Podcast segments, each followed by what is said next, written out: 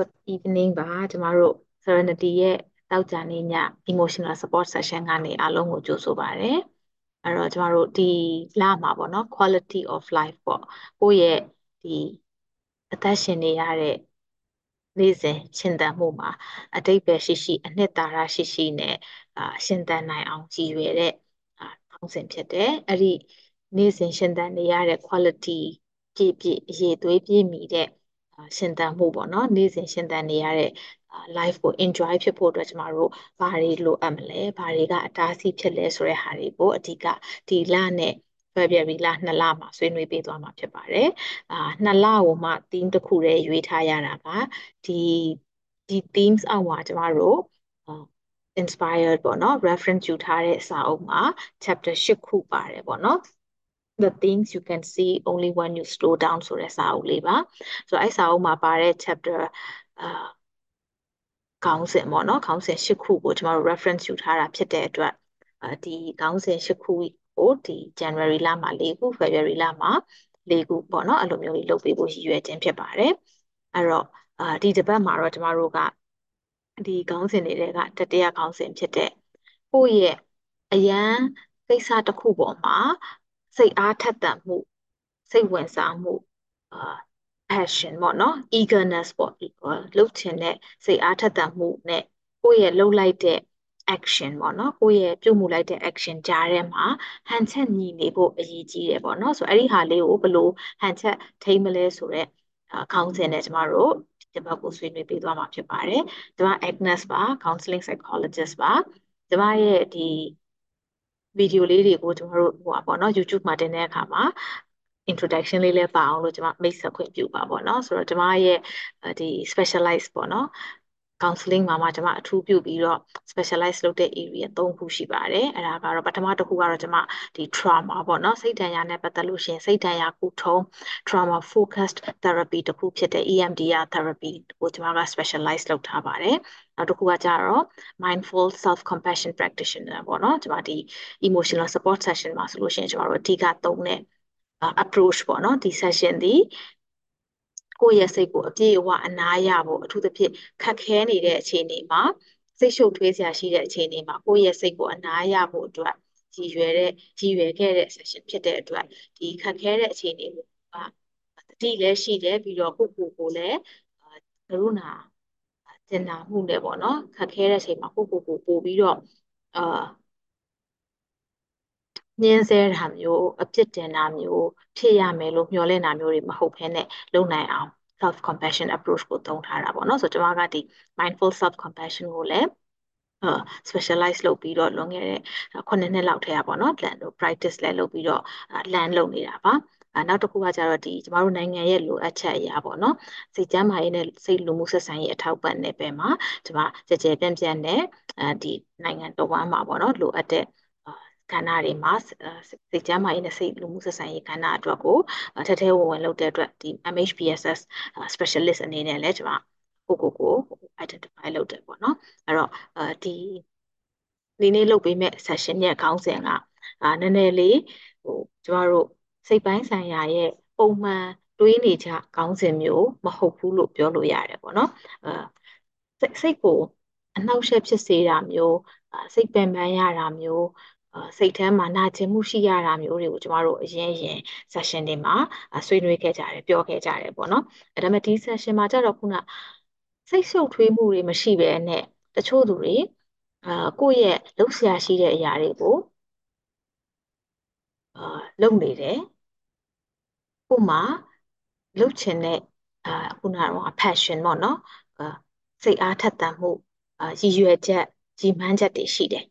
ပေမဲ့အဲ့လိုလုပ်နေရင်နဲ့ဒီလုပ်ရတဲ့အလုပ်ပေါ်မှာကိုတကယ်ကိုကျေနပ်ပျော်ရွှင်မှုရှိလားဆိုတဲ့ဟာကိုတတိလက်လွတ်မျိုးဖြစ်သွားတတ်တယ်။ပြီးတဲ့အခါမှာအဲ့လိုလုပ်ရတဲ့အလုပ်ပေါ်မှာဘလောက်ထိကိုယ့်ရဲ့လုပ်နေတဲ့အာလှုပ်ဆောင်မှုနဲ့ရလတ်နဲ့ကိုက်ညီနေလဲဆိုတဲ့ဟာကိုတတိမထားမိတာမျိုးဖြစ်နိုင်တယ်။ဒါမှမဟုတ်ရင်လည်းတတိထားမိတဲ့အချိန်မှာတတိထားမိတတိထားမိပြီးတော့ ကိုထဲ့လိုက်တဲ့ဟိုပါပေါ့စ조사အားထုတ်မှုကြိုးပမ်းမှုနဲ့ရလတ်နဲ့မတူညီတဲ့အရာအာကိုယ့်ရဲ့ကြိုးပမ်းအားထုတ်မှုနဲ့ရတဲ့ရလဒ်ကကွာဟနေတာမျိုးကိုလည်းကြုံရနိုင်တယ်ပေါ့နော်ဆိုတော့အဲ့ဒါလေးကိုကျွန်မအဓိကဆွေးနွေးပေးမှာဖြစ်တယ်ပေါ့အဲ့တော့စိတ်ပင်ပန်းရတယ်စိတ်ရှုပ်ထွေးရတယ်ဆိုတော့ကိစ္စမျိုးတွေပဲမဟုတ်ဘဲနဲ့ဟိုတချို့သူတွေမှာလည်းအတိုင်းအတာတစ်ခုပေါ့နော်အဲလမ်းကြောင်းတစ်ခုမှာ ရှင်သန်နေတယ်စူးစမ်းနေတယ်ရက်တည်နေပြီးတော့မှအဲ့ဒီပုံမှာဖြစ်လာတဲ့အခက်အခဲတွေကိုဟန်ချက်ညီညီပြန်ပြီးတော့သုံးသပ်နိုင်ဖို့အတွက်ပို့ပြီးတော့ရှိခဲ့တယ်ပေါ့အဲ့တော့ဟိုခေါင်းစဉ်ကဒီခေါင်းစဉ်ကိုကျွန်မရွေးတဲ့အခါမှာတော်တော်လေးစဉ်းစားတယ်ပေါ့နော်ဒီကိုယ့်ရဲ့အာ passion ကိုလည်းပါစေခြင်းနဲ့ပြီးတဲ့အခါမှာဒီဒီ passion ပေါ်မှာပျော်ရွှင်မှုပေါ့နော်အဲ့တော့ကိုလုပ်နေတဲ့အလုပ်ပေါ်မှာ ပျော်ရွှင်မှုနဲ့ဘယ်လိုမျိုးစီးမျောမလဲဆိုတဲ့ဟာပေါ်မှာစကလုံးရွေးတဲ့အခါမှာတော့ကျွန်မဒီကိုယ့်ရဲ့ action နဲ့ passion ကြားတဲ့ကဟန်ချက်ဆိုတဲ့ဟာလေးကိုကျွန်မရွေးလိုက်တာပေါ့နော်အဲ့တော့ဒီနေ့ session မှာကျွန်မတို့မေးခွန်းလေးတွေကျွန်မမေးပြီးတော့နည်းနည်းလေးကိုယ့်ရဲ့လုပ်နေတဲ့အလုပ်လေးတွေကိုပြန်ပြီးတော့သုံးသပ်ဖို့ပေါ့နော်အချိန်လေးတွေပေးမယ်ပေါ့နော်ဒါမျိုးလည်းကျမတို့ပုံမှန် session တွေမှာအဲလုပ်လုပ်နေကြပဲပေါ့နော်အမ်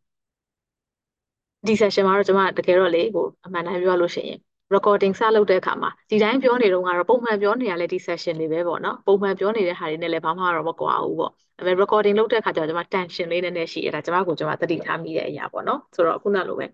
အဲဒီနေ့လုပ်တဲ့ session နဲ့ဆိုလို့ရှိရင်လည်းအများကြီးဆက်ဆက်မှုရှိတယ်ကိုကိုယ်တိုင်အတွက်လည်းပေါ့နော်ဟိုဒီ emotional support session ကိုကျမတို့ နောက်ဒီဒီလကုန်ဆိုလို့ဒီလကုန်ပြီးတော့เนาะ February second week ဆိုလို့ရှိရင်ဒါ3နှစ်တိတိပြည့်ပြီလေเนาะကျွန်မဒီ session ကိုလုပ်ပေးလာတာဘယ်နေရာပဲကျွန်မရောက်နေရောက်နေပေါ့เนาะဒီ session ကိုကျွန်မမပြတ်ဘဲနဲ့လုပ်ပေးလာခဲ့တယ်ဗုဒ္ဓဟူးနေ့ကနေပြီးတော့တောက်ကြနေ့ကိုပြောင်းဖြစ်သွားတာလေအဲဗုဒ္ဓဟူးနေ့မှာကျွန်မကိုယ်တိုင် supervision ယူရတဲ့ဆရာကအဲ့နေပဲအားတာမို့လို့တောက်ကြနေပြောင်းလိုက်ရတယ်ပေါ့နော်ဆိုတော့အဲဒါဒီကျမရဲ့ passion တစ်ခုဖြစ်တယ်ဒီ passion ကိုကျမဟို လူတွေအတွက်အကျိုးရှိမှန်းသိလို့ကျမတို့ပထမတစ်နှစ်ပြီးတဲ့အခါမှာအာအစင်ပြေပေါ့နော်ဒီဒီဆက်ဆက်လုပ်ပေးဖို့လိုပါမလားလို့စဉ်းစားမိတဲ့အချိန်တွေရှိတယ်ပေါ့နော်တခါတလေအဲဂျားထဲမှာ10ယောက်လောက်ပဲ register လုပ်တယ်ဆိုတော့ session တွေလည်းရှိတဲ့အခါမှာအော်ဒါကိုတကယ်လိုအပ်လားကျမတို့ဆက်လုပ်ဖို့လိုအပ်မလားမလိုအပ်ဘူးလားဆိုတာမျိုးစဉ်းစားရတဲ့အချိန်တွေရှိတယ်ဒါပေမဲ့တယောက်ပဲကြံနေပါစေအောင်ပေါ့နော် register လုပ်တဲ့သူရှိနေပါစေအောင်ပေါ့နော်တယောက်အတွက်အကျိုးရှိမယ်ဆိုရင်တော့မှကျမတို့ဆက်လုပ်မယ်ဆိုတော့ ရည်ရွယ်ချက်နဲ့ဒီ session ကိုဆက်ပြီးတော့လုပ်ဖြစ်ခဲ့တာပေါ့နော်အဲ့တော့ဒီဒါဒီကျမတို့ရဲ့ကျမအနေနဲ့ဆိုလို့ရှိရင်ဒါကိုယ့်ရဲ့ passion ပေါ့နော်ဒီ passion ကိုလုပ်တဲ့အခါမှာကိုယ်တကယ်ရောပျော်ရဲ့လားပေါ့နော်အဲ့တော့အာပြီးခဲ့တဲ့3-4လလောက်ကဆိုလို့ရှိရင်ကျမတော်တော်လေးစိတ်အနှောက်အယှက်ဖြစ်ရတယ်။ဘာလို့လဲဆိုတော့ဒီ session တွေလုပ်တုန်းကကျမက recording မလုပ်ထားခဲ့ဘူး။ recording မလုပ်တာလဲ session တွေစလုပ်ပေးတဲ့အချိန်တုန်းကဆိုလို့ရှိရင် လုပ်တဲ့ပုံစံမတူဘူးပေါ့နော်။အဲဒီတုန်းကဆိုလို့ရှိရင်ကိုယ့်ရဲ့နိုင်ငံမှာအပြောင်းလဲတွေဖြစ်တဲ့အတွက်အာနေ့စဉ်ကြုံရတဲ့အခက်အခဲတွေကအရန်ဟိုကြမ်းတမ်းတယ်ပေါ့နော်။ကြမ်းတမ်းတယ်ဆိုတဲ့ဟာတွေကိုကြုံရတဲ့အခါမှာကျွန်မလှုပ်ပေးရတဲ့ relaxation တွေကအခုလှုပ်ပေးရတဲ့ပုံစံမျိုးတွေမဟုတ်ဘဲလှုပ်ခဲ့တာဆိုတော့ recording လုပ်ဖို့ဘလို့မှမသင့်တော်တဲ့အခြေအနေဖြစ်တယ်။မနောက်ပိုင်းကျတော့လေကျွန်မကဟိုပုံမှန်နိုင်ငံခြားမှာကျွန်မအလုပ်လုပ်နေတာပေါ့နော်နှစ်နှစ်အဲ့တုန်းကအဲ့ခါကျတော့ကျွန်မရဲ့အလုပ်ချိန်နဲ့အဲကျွန်မခရီးသွားတဲ့အချိန်တွေနဲ့ ဒီ session ကိုကျွန်မအဆင်ပြေတဲ့နေရာကနေပြီးတော့အဆင်ပြေဆိုလေအမြဲတမ်းတနေရာမှာထိုင်ပြီးတော့ပေးတာမျိုးမဟုတ်ဘူးပေါ့နော်တခါလေလည်းကျွန်မခရီးသွားရင်းနဲ့ပေးတာမျိုးတွေရှိတဲ့အခါကျတော့ record မလုပ်မိတဲ့ပုံမှာကျွန်မစိတ်ထဲမှာအားမလို့အားမရအမြဲဖြစ်နေတယ်။ဒါတွေကိုငါ record လုပ်ထားပြီးတော့ဒါအဲဘာလို့လဲဆိုတော့ recording တောင်းတဲ့သူတွေများများလာတဲ့အခါမှာဟိုငါလုပ်ခဲ့တဲ့တယ်ပေါ့နော်လုပ်ခဲ့တဲ့တယ်ဆိုတော့ကိုယ့်ရဲ့လုပ်နေရင်းနဲ့ကိုကျေနပ်တဲ့အရာတစ်ခုကို လုပ်နေရင်းနဲ့ကိုကိုမှ အားမလို့အားမရမှုတွေဖြစ်လာတယ်။ကိုယ့်ရဲ့ဒီ passion နဲ့ action ကြားထဲမှာစိတ်ရှုပ်ထွေးမှုတွေဖြစ်လာတယ်။ပျော်ပျော်ပျော်စရာကျေနပ်စရာဆိုတာထက်စိတ်ထဲမှာဟို never enough ပေါ့နော်မလုံလောက်ဘူးဆိုတဲ့ခံစားချက်မျိုးတွေဖြစ်လာတယ်ဆိုအဲ့ဒီဟာကိုကျွန်မအဲ့ထဲမှာပဲတဝဲလဲလဲတွေးနေမယ်ဆိုလို့ရှိရင်ဒါအဆင်မပြေဘူးပေါ့နော်အဲ့တော့ဟုတ်ပြီဒါဆိုလို့ရှိရင်ဒါကိုဟို okay start record လုပ်ပေါ့နော် start record လုပ်ပြီးတော့အခုပြီးတဲ့အချိန်ကနေ start record လုပ်ပြီးတော့အာ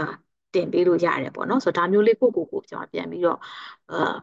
မတင်တဲ့စိတ်ကတော့အမှန်တမ်းပြောရင်နည်းနည်းတော့ရှိနေသေးတယ်ပေါ့နော်စိတ်ထဲမှာအော်ငါဘာလို့လဲဆိုတော့တစ်ပတ်တစ်ချိန်လုပ်ခဲ့တဲ့ session ပေါင်းကအများကြီးပဲလေနော်၃နှစ်ဆိုတဲ့အချိန်မှာဒါပေမဲ့တစ်ချိန်တည်းမှာပဲ okay ငါဘာပြန်စလုပ်မလဲဆိုတဲ့ဟာနဲ့ပြန်ပြီးချိန်ထိုးရတယ်ပေါ့နော်အဲ့တော့ကျမတို့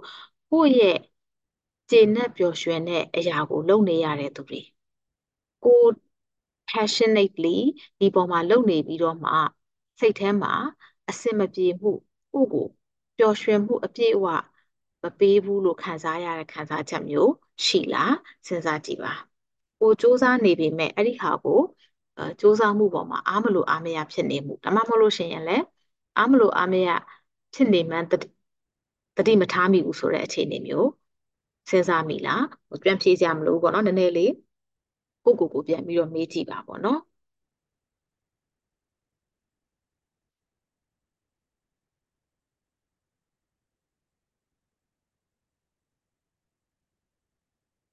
အဲ့လိုမျိုးအဲအားမလို့အားမရဖြစ်တဲ့အခြေအနေမျိုးမရှိဘူးအာတတိမထားမိဘူးဆိုလို့ရှိရင်ကိုစိတ်အားထက်သန်စွာ လုပ်နေတဲ့အလုပ်တစ်ခုပေါ်မှာကိုရှိမှာ အပြည့်အဝပျော်ရွှင်မှုရှိလားကိုတကယ်ပဲကိုလုပ်နေတဲ့အလုပ်ပေါ်မှာ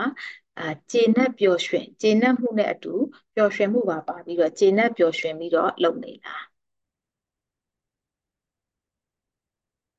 ဒီလှုပ်ဆောင်ရတဲ့အလုပ်တစ်ခုပေါ်မှာဒီလှုပ်ဆောင်နေတဲ့ process လို့ခေါ်တာပေါ့နော်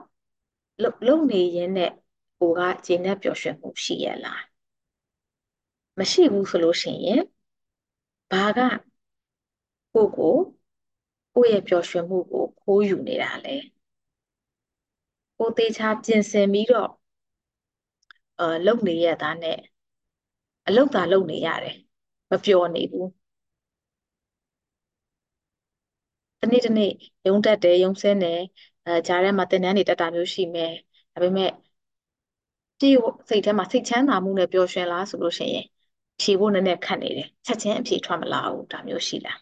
ရှိလို့ရှိရင်ဘာကကိုကိုအဲ့ဒီပျော်ရွှင်မှုကနေပြီးတော့အတားအဆီးဖြစ်နေတာလဲဖြေကြည့်ပါပေါ့နော်အာစာအုပ်မှာချရေးခြင်းလည်းဒီချက်ချင်းအဖြေမထွက်သေးရင်လည်းဒီမေးခွန်းလေးကိုချရေးကြည့်ပါအဲ့တော့ဒီ quality of life မှာကျမတို့ဘာကိုအခြေခံလဲဆိုလို့ရှိရင်ဒီအရေးအသွေးပြည့်မီတဲ့ နော်ရှင်သန်မှုတစ်ခုပေါ့နော်ဘဝတစ်ခုပျော်ပျော်ရွှင်တဲ့ခြေနဲ့ပျော်ရွှင်တဲ့ဘဝတစ်ခုရှိလို့ဆိုရင်ကိုယ့်ရဲ့လှုပ်ဆောင်နေတဲ့အရှိန်ကိုကျမတို့ကလျှော့ဖို့လည်းလိုအပ်တယ်အရှိန်နဲ့ပြေးနေတဲ့အခါမှာမမြင်ရတဲ့အရာတွေရှိတယ်တခါလေကြားလို့ရှိရင်အရှိန်လျှော့ပြီးတော့ပြန်ပြီးသုံးသပ်ရတဲ့အရာရှိမယ်အရှိန်လျှော့ပြီးတော့ပြန်ကြည့်ရတဲ့အရာတွေရှိလိမ့်မယ် တော့အခုလည်းကိုယ့်ရဲ့ passion အပြည့်နဲ့ eagerness ပေါ့နော်ဟိုဟိုပါပေါ့အာကိုယ့်ရဲ့ဒီဖြစ်ဖြစ်ချင်တဲ့ဆန္ဒအပြည့်အဝနဲ့အာစူးစမ်းနေတဲ့အခါမှာဒီပေါ်မှာကိုကိုတားဆီးနေတဲ့အရာအပြည့်အဝပျော်ရွှင်မှုမပေးနေတဲ့အရာဘာလဲသိဖို့အတွက်ကိုယ့်ရဲ့အရှိန်ကိုပြန်ပြီးတော့ဖြည်းဖြည်းချင်းကျမတို့ short ဖို့လိုလိမ့်မယ် ဒီအဖြေကဒီ session ထဲမှာရချင်မှရလိမ့်မယ်အဲကျမတို့ဒီတောက်ကြနေ session မှာလုပ်နေကြပုံစံလေးဆိုရင်တော့ပုံမှန်ပါဝင်ဖြစ်တဲ့သူတွေဆိုလို့ရှိရင်တော့ဒါဒီတစ်ပတ်ထဲမှာပေါ့နော်အဲဒါဒီမေးခွန်းလေးတွေကိုဒီမှာတောက်ကြနေမှာလုပ်လိုက်တဲ့ practice တွေကိုလေ့ကျင့်ခန်းလေးတွေဆိုလို့ရှိရင်လည်းဒီတစ်ပတ်လုံးဆက်ပြီးတော့လုပ်ကြည့်ဖို့ပေါ့နော်အဲတချို့မေးခွန်းလေးတွေဆိုလို့ရှိရင်လည်းဒီရက်ပိုင်းတွေမှာအဲ့မေးခွန်းလေးကိုပြန်ပြီးတော့သုံးသပ်ကြည့်ဖို့အတွက်ကျမတို့အကြံပြုတယ်ပေါ့နော်အဲ့တော့ဟိုနောက်တစ်ပတ်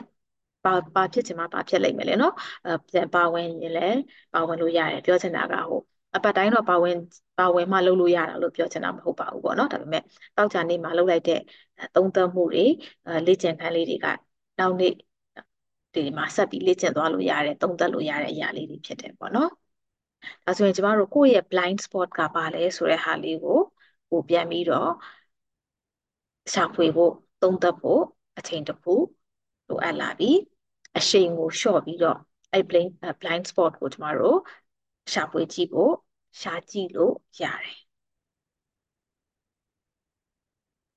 အကယ်၍များဟိုသတိထားမိလိုက်တာရှိကောင်းရှိနိုင်တယ်ပေါ့နော်နည်းနည်းလေးထပ်ပြီးတွေးကြည့်မယ်ဆိုလို့ရှိရင်ကိုယ့်ရဲ့ခုနကတော့ကအာ blind spot ကိုတွေ့ပြီပေါ့နော်ကိုကိုစူးစမ်းနေပေမဲ့စူးစမ်းမှုအရာမထင်နေဘူးစူးစမ်းသလောက်မဖြစ်နေဘူးစိတ်မချမ်းသာမှုဖြစ်နေတယ် ဆိုလို့ရှိရင်အဲ့ဒီအဲ့ဒီစိတ်မချမ်းသာမှုကိုဖြစ်စေတဲ့အရာကိုကိုကတတိထားမိပြီဆိုလို့ရှိရင်မလုပ်လဲဒီတိုင်းပဲတော့ကျမတို့မနေဘူးလေနော်ဆိုတော့အဲ့ဒီ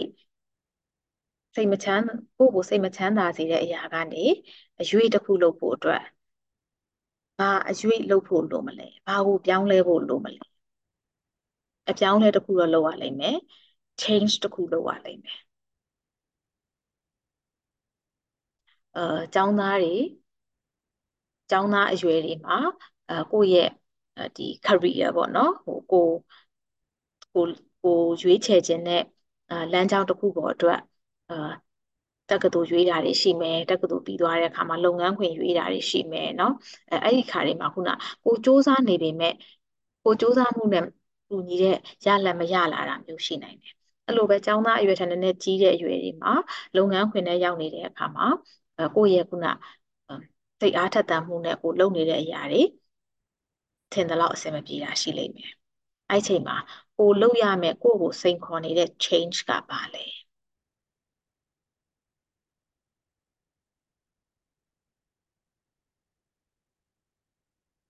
ဒီမေးခွန်းကချက်ချင်းအဖြေရမှာမဟုတ်ဘူးရှာကြည့်ဖို့အချိန်ပေးရလိမ့်မယ်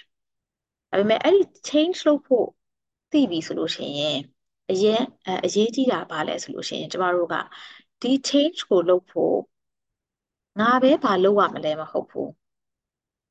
ဘလို့ပံ့ပိုးမှုတွေလိုအပ်လဲကိုကနေစိုက်ထုတ်ရမယ့်အားရှိသလိုကိုလိုအပ်တဲ့အကူအညီတွေ network တွေပံ့ပိုးမှုတွေဟို connection တွေလည်းရှိကောင်းရှိလိမ့်မယ်အဲ့ဒါတွေကိုပါထည့်တွက်ပါပြောင်းလဲဖို့အတွက် လိုအပ်တဲ့ support ပြောင်းလဲမှုတစ်ခုမှာကျမတို့ supporting ကောင်းကောင်းနဲ့ပြောင်းလဲတာနဲ့အဲ supporting မကိုမကောင်းတာပဲပြောပြောမရှိတာပဲပြောပြောပေါ့နော်အဲ့လိုဟာမျိုးနဲ့ supporting မရှိတဲ့ခါမျိုးမှာဒီအရွေးတစ်ခုကိုလုပ်ဖို့အတွက်အားကကွာပါပေါ့နော်အဲ့တော့ဒီကို supporting ရနိုင်မဲ့အရင်းမြစ်တွေ network တွေကိုလည်းထည့်သွင်းစဉ်းစားခြင်းအဖြစ်ကျွန်တော်တို့က ဒီအရွေးတစ်ခုအပြောင်းလဲတစ်ခုကိုပို့ပြီးတော့ညင်ညင်သာသာနဲ့ပျော်ပျော်ရွှင်ရွှင်လုပ်နိုင်လိမ့်မယ်ပျော်ပျော်ရွှင်ရွှင်လုပ်နိုင်မယ်လို့ပြောတယ်အောင်အောင်မြင်မြင်လုပ်နိုင်မယ်လို့မပြောဘူးဒါပေမဲ့အဲ့လိုပြောလို့မအောင်မြင်ဘူးလို့ပြောချင်တာမဟုတ်ဘူးကိုလုပ်ရတဲ့အရာပေါ်မှာကိုယ့်ရဲ့ကျေနပ်မှုပျော်ရွှင်မှုအဲစိတ်ချမ်းသာမှုအရန်အရေးကြီးတယ်ရှိဖို့လိုအပ်တယ်ပေါ့နော်ဒီမှာ message လေးတက်လာချက်ကြည့်လိုက် ဆိုတော့အဲ့ဒီဟာလေးတွေကိုကျမတို့ဟိုစဉ်းစားကြည့်လို့ရမယ်ထင်တယ်နော်အဲ့တော့ဒီခုနကတော့ကျမတို့ reference ယူထားတဲ့ပေါ့နော်စာစာအုပ်ထဲမှာဒီခုနကိုယ့်ရဲ့စိတ်အားထက်သန်မှုနဲ့လှုပ်ဆောင်တဲ့လှုပ်ဆောင်မှုမှာဘာလေးကိုသူက highlight လုပ်ပြီးပြောထားလဲဆိုလို့ရှိရင်တခါတလေမှာကိုကအမြဲတမ်းမှန်နေဖို့ထက်ပျော်ရွှင်ဖို့ကလည်းအရေးကြီးတယ်တဲ့ဒီစကားလုံးလေးကနည်းနည်းတော့ ဒီတိုင်းပဲကြားလိုက်မယ်ဆိုလို့ရှိရင်နားလည်မှုလွဲသွားနိုင်တယ်အန္တရာယ်များတယ်ပေါ့နော်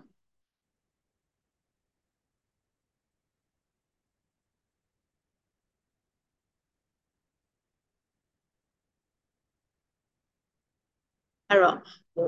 အမှန်တရားကအရေးမကြီးဘူးပြီးတော့ပဲကျမတို့ကအဲ့ဒီမှာပဲဒီစာကြောင်းကိုရလိုက်လို့မရဘူးပေါ့နော်ဆိုတော့အမြဲတမ်းမှန်နေဖို့ထက်ပျော်ရွှင်ဖို့ကလည်းအရေးကြီးတယ်ဆိုတဲ့ဟာက အဲဒီဒီစကလုံးနှစ်ခုကိုတွဲလဲမြင်ဖို့လိုတယ်ပြီးတော့သူ့ရဲ့အထိပ္ပယ်ကိုလည်းနက်နက်ရှိုင်ရှိုင်ထိသွားဖို့လိုတယ်ဘာလို့လဲဆိုတော့မှန်ဖို့မလိုဘူးဆိုတဲ့ဟာပေါ်မှာပဲကောက်ချက်ချလိုက်မယ်ဆိုလို့ရှင်ဒါအန်တီရဲ့ရှိလို့ပေါ့နော်အဲ့တော့ဒီမှာအများနဲ့မှန်ဖို့မလိုဘူးဆိုတာဘာကိုပြောချင်လဲဆိုလို့ရှိရင်တခါတလေမှာအာအငင်းခုန်လုပ်ပြီးတော့ကိုကတက်သေးပြရမယ်အမှန်တရားတစ်ခုထက်ဒီ ကိုနဲ့အတူတူရှိနေတဲ့သူကိုနဲ့အတူတူစကားပြောနေတဲ့သူကိုရဲ့မိတ်ဆွေတွေကြားထဲမှာပို့ပြီးပျော်ပျော်ရွှင်ရွှင်ရှိရတဲ့အချိန်ကပို့ပြီးတန်ဖိုးရှိတယ်လို့ပြောချင်တာအဲ့တော့ခုနကတော့ကအဲကိုယ့်ရဲ့လှုပ်ဆောင်မှုနဲ့ပြန်ပြီးတော့ချိတ်ဆက်ကြည့်မယ်ဆိုလို့ရှိရင်လေကိုယ့်ရဲ့လှုပ်ဆောင်မှုကိုကိုကမှန်အောင်လို့ perfect ဖြစ်အောင်လို့စိတ်အားထက်သန်မှုအကုန်လုံးအဲထည့်နေပေမဲ့ကိုယ့်ရဲ့လှုပ်ဆောင်ရတဲ့အဲပတ်ဝန်းကျင်မှာ ပျော်ရွှင်မှုမရှိနေဘူးဆိုလို့ရှိရင်လေဒါဒီကိုယ့်အတွက်စစ်မှန်တဲ့ပျော်ရွှင်ခြင်းစစ်မှန်တဲ့အာပြီးပြည့်ဒီ accomplishment ပေါ့နော်ကိုလုပ်လိုက်တဲ့အရာပေါ့အရာတစ်ခုပြီးပြည့်စုံသွားခြင်းခံစားရဖို့အတွက်နေကိုမေးစရာဖြစ်သွားလိမ့်မယ်ပေါ့နော်အဲ့တော့ပျော်ပျော်ရွှင်ရွှင်နဲ့တကယ်တမ်းစိတ်ချမ်းချမ်းသာသာနဲ့နေသွားဖို့ဆိုလို့ရှိရင်ခုနပျော်ရွှင်မှုနဲ့အမှန်တရားကြားထဲမှာလဲကျမတို့ကမှန်ကန်စွာရွေးချယ်ပြီးတော့ရပ်တည်နိုင်ဖို့လိုတယ် အဲ့တော့ဟိုမမှန်တဲ့ဘက်ကိုရွေးရလို့ပြောချင်တာမဟုတ်ဘူးဒါပေမဲ့အဲဒီအမှန်တရားအတွက်ကိုပဲ proof လုပ်ဖို့သက်သေပြဖို့အတွက်ကိုကိုကအဲစူးစမ်းရင်းနဲ့တစ်ဖက်ကပျော်ရွှင်မှုဒီလူတယောက်နဲ့ကိုယ့်ရဲ့ဆက်ဆံရေးပြပြသွားတယ်ဒီလူတယောက်နဲ့ကိုယ့်ရဲ့ဆက်ဆံရေးအေးခဲသွားတယ်ဒါမျိုးဆိုလို့ရှိရင်တကယ်အာ quality life အတွက်ကိုအထောက်အကူမဖြစ်နိုင်ဘူးဒါလေးတွေကလည်းတကယ်တော့ကျမတို့အာ ကိုယ့်ရဲ့စိတ်ပိုင်းဆိုင်ရာကိုကျန်းမာဖို့ဆိုလို့ရှိရင်တတိမထားမိပဲနဲ့နေ့စဉ်မှာကြုံနေရတဲ့အရာလေးတွေဖြစ်တယ်စိတ်ပိုင်းဆိုင်ရာအရာအဲကျန်းမာဖို့ဆိုကျမတို့ကအဲစိုးရိမ်မှုတွေစိတ်ဒဏ်ရာတွေကိုယ့်ရဲ့စိတ်ဆက်သေးချာမှုတွေဆုံးရှုံးမှုတွေအကြောင်းကို relationship တွေအကြောင်းကိုပြောတတ်တယ်ပေါ့နော်ဒါပေမဲ့ခုနလိုမျိုးနေ့စဉ်မှာကိုအဆင်ပြေနေတယ်ဆိုတော့အဆင်ပြေနေပြီလို့ထင်နေတဲ့အရာကနေအမှန်တကယ်ပျော်ရွှင်မှုရနေရ ရနေရဲ့လားဆိုတာလေးကိုလည်းဒီအချိန်လျှော့တဲ့ slow down လုပ်တဲ့အခါမှာမြင်နိုင်အောင်လို့ပြန်ပြီးတော့သုံးသပ်ဖို့ဖိတ်ခေါ်ပါတယ်အဲ့တော့အဲ့ဒီအတွက်ကျွန်မအဲဒီနေ့ session မှာလုပ်ပေးမဲ့လေ့ကျင့်ခန်းလေးကတော့အာဒီကိုယ့်ရဲ့စိတ်ကိုအနားယူဖို့အတွက်ဒီလိုမျိုးကိုယ့်ရဲ့အာဟိုပါပေါ့နော်ရွေးချယ်ရတဲ့အရာတွေကိုကိုကိုပြန်သုံးသပ်ဖို့ ကြည့်တဲ့အခါမှာစိတ်ကိုစိတ်လျှော့လိုက်ဖို့အတွက်ပြေးနေတဲ့အချိန်ကနေပြီးတော့ဘယ်လိုလျှော့ရမလဲမသိဘူးဆိုလို့ရှိရင်ဒီလိုမျိုးအနားယူတဲ့လေ့ကျင့်ခန်းလေးတစ်ခုလုပ်ခြင်းအဖြစ်စိတ်ကိုပြန်ပြီးတော့လျှော့လိုက်လို့ရတယ်စိတ်ကိုပြန်လျှော့ပြီးတဲ့အခါကျလို့ရှိရင်ကျမတို့ခုနကတော့ကကိုလုပ်နေတဲ့အရာတွေပေါ်မှာပြန်ပြီးသုံးသပ်နိုင်လိမ့်မယ်အဲ့တော့ဒီစိတ်ကိုအနားယူတဲ့အာနေရာလေးတစ်ခုကျမတို့ဖန်တီးပြီးတော့ဘယ်လိုပုံစံနဲ့ အနားယူရမလဲမသိတဲ့အခါမှာဒီလေ့ကျင့်ခန်းလေးကိုလုပ်လို့ရတယ်အဲဘယ်လိုပုံစံနဲ့စိတ်ပြန်ဖြေလျှော့ရမလဲမသိတဲ့အခါမှာဒီလေ့ကျင့်ခန်းလေးလုပ်လို့ရတယ်ဒီ safe place လေ့ကျင့်ခန်းကိုလုပ်လို့ရတယ်အာဟိုပါပေါ့အချိန်တွေအာရည်ရွယ်ချက်တွေအများကြီးရှိတယ်ဒါပေမဲ့လောလောဆယ်မှာတော့ဒီနေ့ session နဲ့ဆက်ဆက်ပြီးတော့ကိုယ့်ရဲ့အဲလှုပ်ဆောင်မှုတွေကိုပြန်ပြီးသုံးသပ်ဖို့အတွက်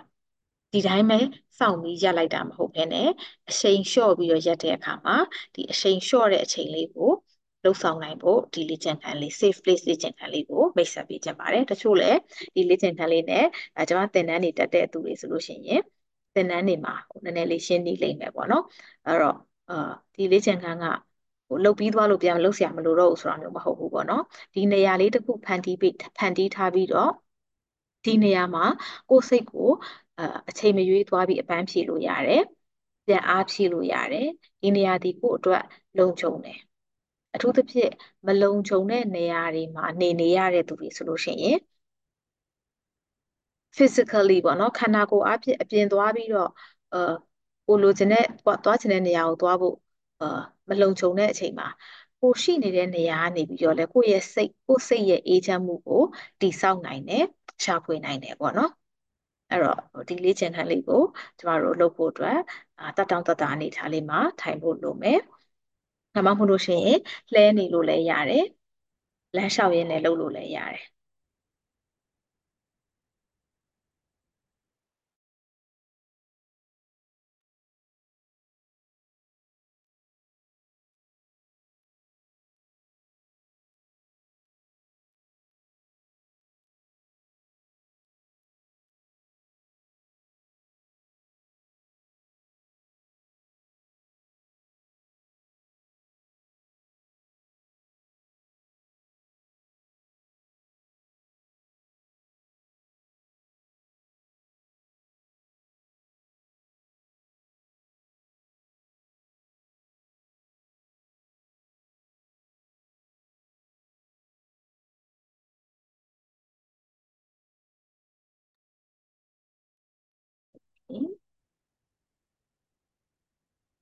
တော့တတောင်တတအနေထားလေးမှာထိုင်လိုက်ပါခုနကိုကောင်းထဲမှာပေါ်လာတဲ့မေးခွန်းလေးတွေရှိလိမ့်မယ်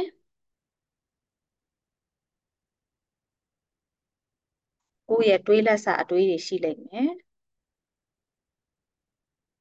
အဲ့ဒါတွေအကုန်လုံးကိုကျမတို့ခဏလောက်လေးချထားရအောင်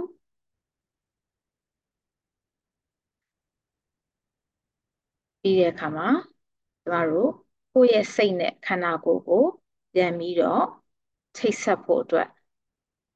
ကိုယ့်ရဲ့အသက်ရှူတဲ့ရှူသွင်းရှူထုတ်တဲ့လေပုံမှာအာယုံစိုက်ထားလိုက်မယ်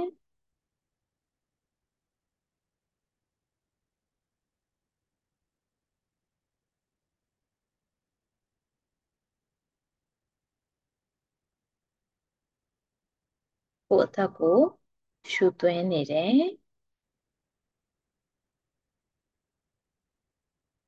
ပြန်ပြီးတော့ရှူထုတ်လိုက်တယ်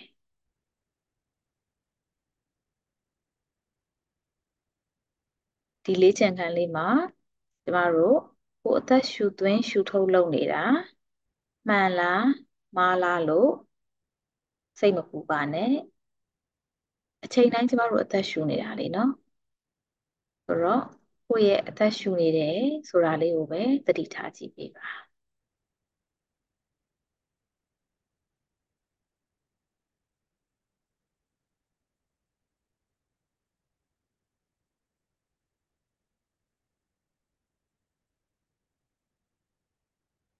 အာယုန်တွေတစ်ခုခုဝင်လာလို့ရှိရင်လည်းကိုယ်အသက်ရှူနေတယ်ဆိုတာလေးကိုပြန်သတိထားပေးလိုက်ပါ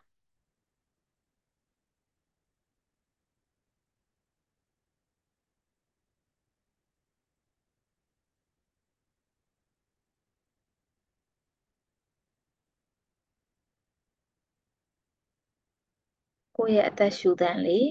တဖြည်းဖြည်းနဲ့ပို့ပြီးတော့စီးချက်မှန်လာပြီကိုယ်အသက်ရှူနေတဲ့အချိန်မှာကိုယ့်ရဲ့ခန္ဓာကိုယ်ရဲ့တုံ့ပြန်မှုကိုလည်းကိုစပြီးတော့သတိထားမိလာပြီဆိုလို့ရှိရင်ကိုယ့်ရဲ့အတွေးအာရုံထဲမှာနေရာလေးတစ်ခုကျမတို့ဖန်တီးရအောင်တိဆောက်ရအောင် အဲ့ဒီနေရာလေးကကိုရောက်ဘူးတဲ့နေရာမျိုးတွေကတစ်ခုခုတည်းဖြစ်နိုင်တယ်တနေရာရာလည်းဖြစ်နိုင်တယ်ဒါမှမဟုတ်ရင်ကိုမရောက်ဘူးပဲနဲ့သွားချင်နေတဲ့နေရာမျိုးလည်းဖြစ်နိုင်တယ်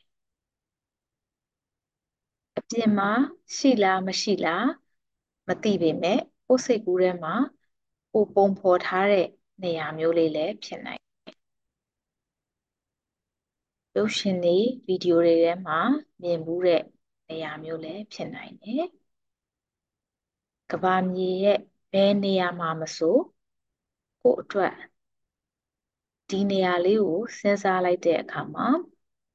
အဲ့နေရာလေးကိုကိုယ်တိုင်ရောက်သွားတဲ့ခံစားချက်လေးနဲ့နှွေးထွေးလုံခြုံသွားတဲ့ခံစားချက်လေးရနိုင်မယ့်နေရာလေးတစ်ခုကျမတို့ဖန်တီးမှာဖြစ်တယ် နှွေးထွေးလုံခြုံတဲ့နေရာလို့ပြောတဲ့အခါမှာတောတောင်စစ်တောကမ်းခြေအစရှိတဲ့သဘာဝနဲ့နီးစပ်တဲ့နေရာလေးတွေဖြစ်နိုင်သလိုတချို့အတွက်လည်းအခန်းတစ်ခန်းဖြစ်နိုင်တယ်ကိုစိတ်ကြိုက်ပြင်ဆင်ထားတဲ့မောမှန်ထားတဲ့ အခန်းလေးတစ်ခန်းလည်းဖြစ်နိုင်တယ်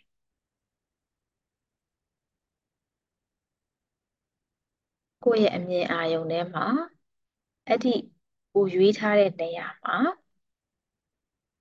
ဘလို့ပြင်ဆင်မှုတွေကိုလုပ်ချင်လဲစိတ်ကြိုက်ပြင်ဆင်ပါဥပမာကိုကအဆောက်အုံတစ်ခုအခန်းတစ်ခန်းရွေးထားမယ်ဆိုရင်ဒီအဆောက်အုံရဲ့ ဆေးအယောင်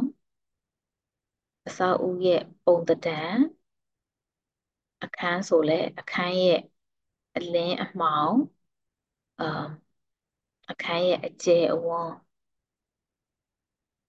အခန်းထဲမှာရှိတဲ့ပစ္စည်းတွေကလကာလားပချီကားလားနှလုံးထဲမှာအသေးစိတ်ပုံဖော်ကြည့်ပါ ဒီနေရာမှာ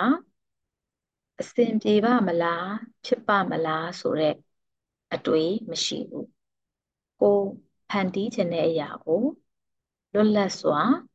ဖန်တီးနိုင်တယ်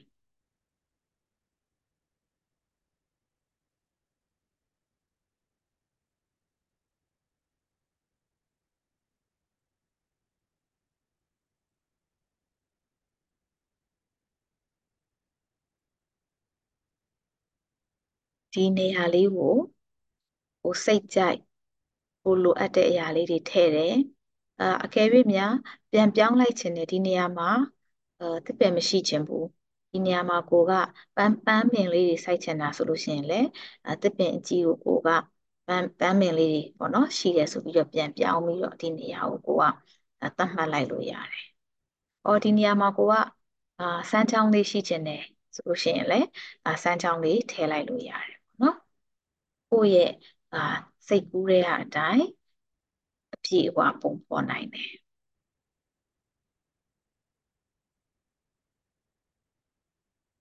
ပြီးတဲ့အခါမှာဒီနေရာလေးမှာကျမတို့ဘာအနံ့ရလဲသတိထားကြည့်ပါဥပမာမြေသဲနှံ့ရတဲ့နေရာမျိုးလေးလားအာကိုစိုက်ထားတဲ့ပန်းမင်တွေကနေ ရနံ့တစ်ခုခုရနိုင်တာမျိုးလား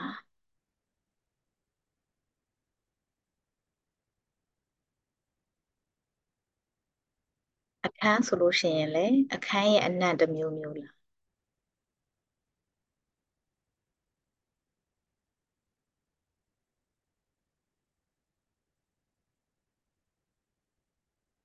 ဘာရနံ့လေးရလဲဘာရနံ့လေးရကျင်လဲ ကိုရကျင်တဲ့ရနံ့လေးကိုရွေးချယ်လိုက်ပါ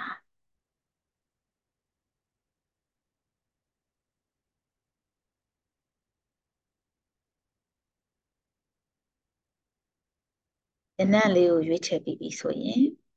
ဒီနေရာမှာဘာအတန်နေကြားရလဲ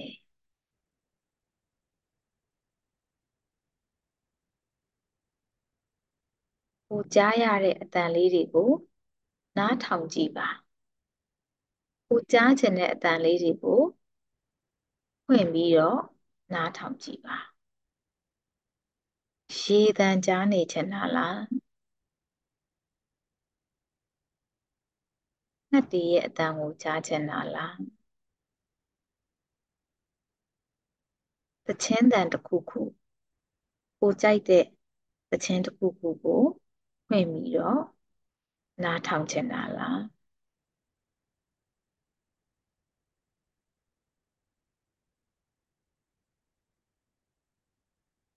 ရွေးချယ်နိုင်တယ်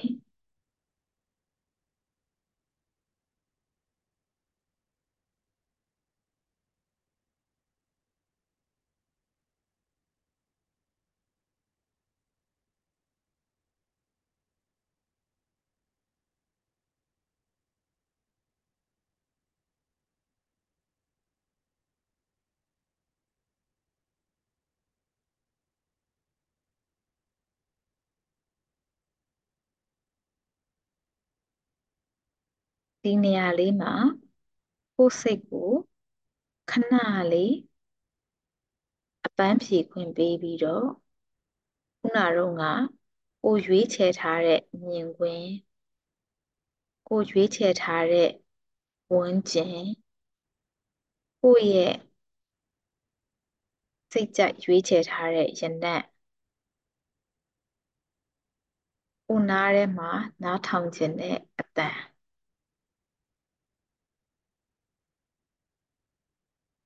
ဒီအရာတွေနဲ့ကိုဖန်တီးထားတဲ့နေရာလေးမှာစိတ်ကိုအပြည့်အဝအနားယူကြည့်ပါ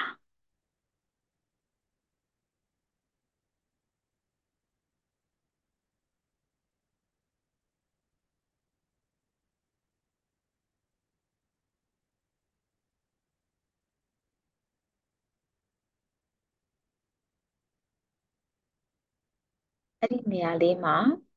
နေနေတဲ့အခါမှာခံစားရတဲ့ခံစားချက်ကိုသတိထားကြည့်ပါဘလို့ခံစားချက်မျိုးခံစားရလဲ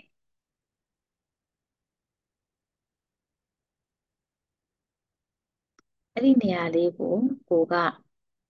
အာလုံခြုံဖို့အတွက်ခြံဝန်းလေးခတ်ထားခြင်းနဲ့ဆိုရင်လည်းခြံဝန်းလေးခတ်ထားလို့ရတယ်နော် ဥပမာအခန်းကိုဘယ်လိုပုံစံနဲ့တော့ခတ်ထားခြင်းလဲဒါမျိုးလဲကိုစိတ်ကြိုက်ပြင်ဆင်ထားလို့ရတယ်ကိုစိတ်ကြိုက်ပြင်ဆင်ခွင့်ရပြီးတော့ပြင်ဆင်ထားရတဲ့နေရာလေးမှာနေရတဲ့ခံစားချက်ကိုခံစားကြည့်ပါ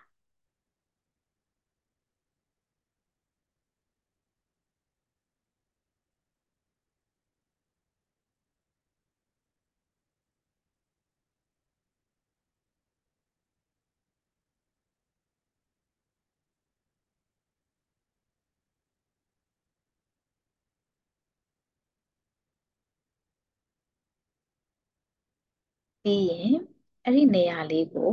နာမည်တစ်ခုလောက်ပေးကြည့်ရအောင်အဲ့နေရာလေးကိုကိုဘာနာမည်ပေးခြင်းလဲ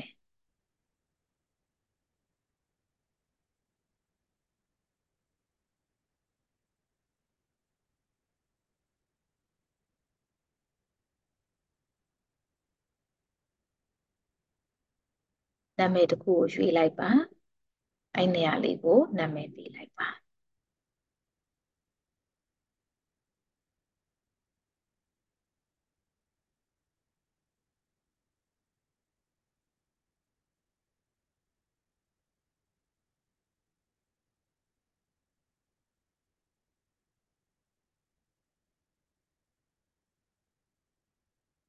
ပြီးတဲ့အခါကျလို့ရှိရင်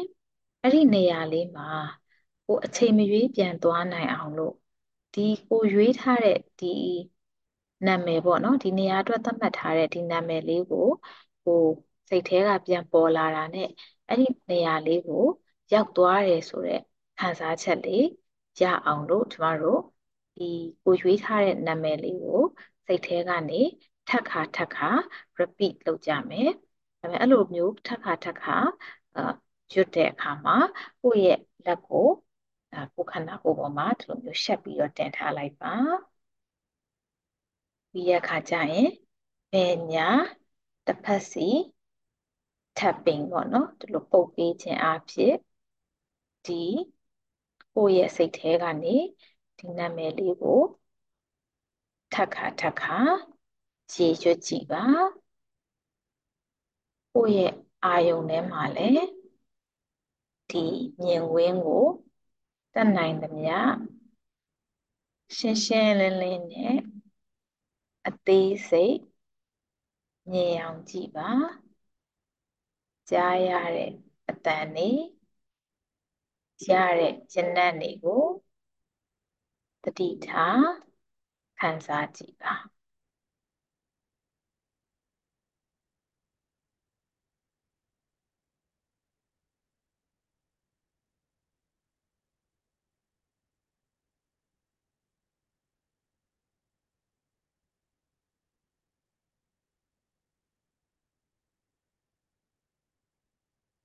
သက်ကိုဝါနေအောင်ခပြင်းပြင်းလေးရှူလိုက်ပါ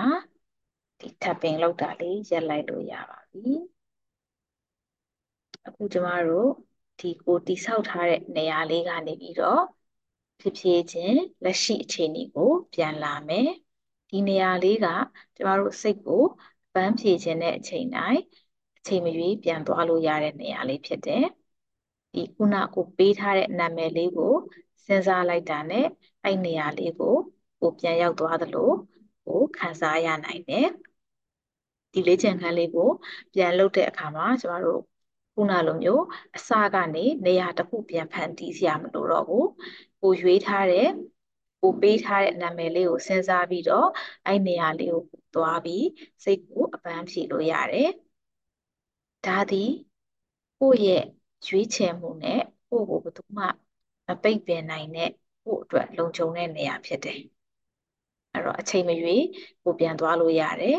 အထူးသဖြင့်ကိုညအိတ်မပြောရဲဆိုတဲ့အခါမျိုးမှာလည်းအဲ့နေရာလေးမှာသွားပြီးတော့စိတ်ကိုအပန်းဖြေပြီးတော့မှဟိုစိတ်အပန်းဖြေသွားတဲ့အခါကျရင်လက်ရှိနေရာလေးကိုပြန်လာပြီးတော့ဟိုအာနည်းနည်းချက်ချိုက်အိပ်ပျော်ဖို့ကြိုးစားနိုင်တယ်ပေါ့နော် အခုကျမတို့ဒီနေရာလေးကနေပြီးတော့ဖြစ်ဖြစ်ချင်းလက်ရှိ present moment ကိုပြန်လာမယ်ကျမနံပါတ်5ကနေ1ထိဟောပြီးတဲ့အခါတကယ်လို့မျက်လုံးပိတ်ထားရဲဆိုရင်မျက်လုံးပိတ်ထားရဲဆိုရင်ဖြစ်ဖြစ်ချင်းမျက်လုံးပြန်ဖွင့်လို့ရပါပြီ5 4 3 2 1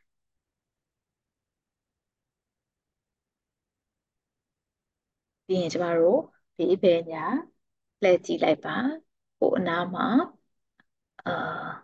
လိမ်မော်ရောင်ပစ္စည်းပါရှိလဲပေါ့နော်လိမ်မော်ရောင်ပစ္စည်းတစ်ခုရှာကြည့်လိုက်ပါ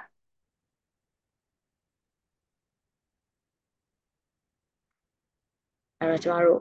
ဟိုဒီနေရာလေးမှာတချို့ကပြန်မလာချင်တာမျိုး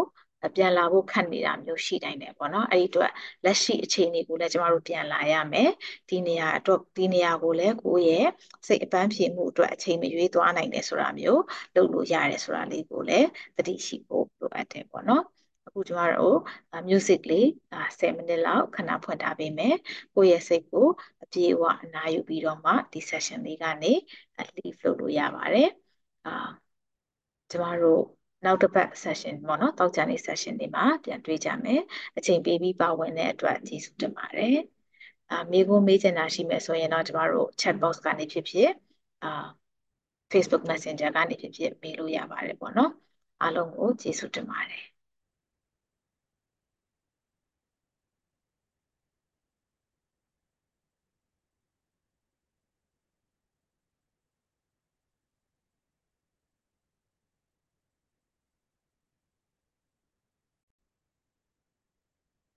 Música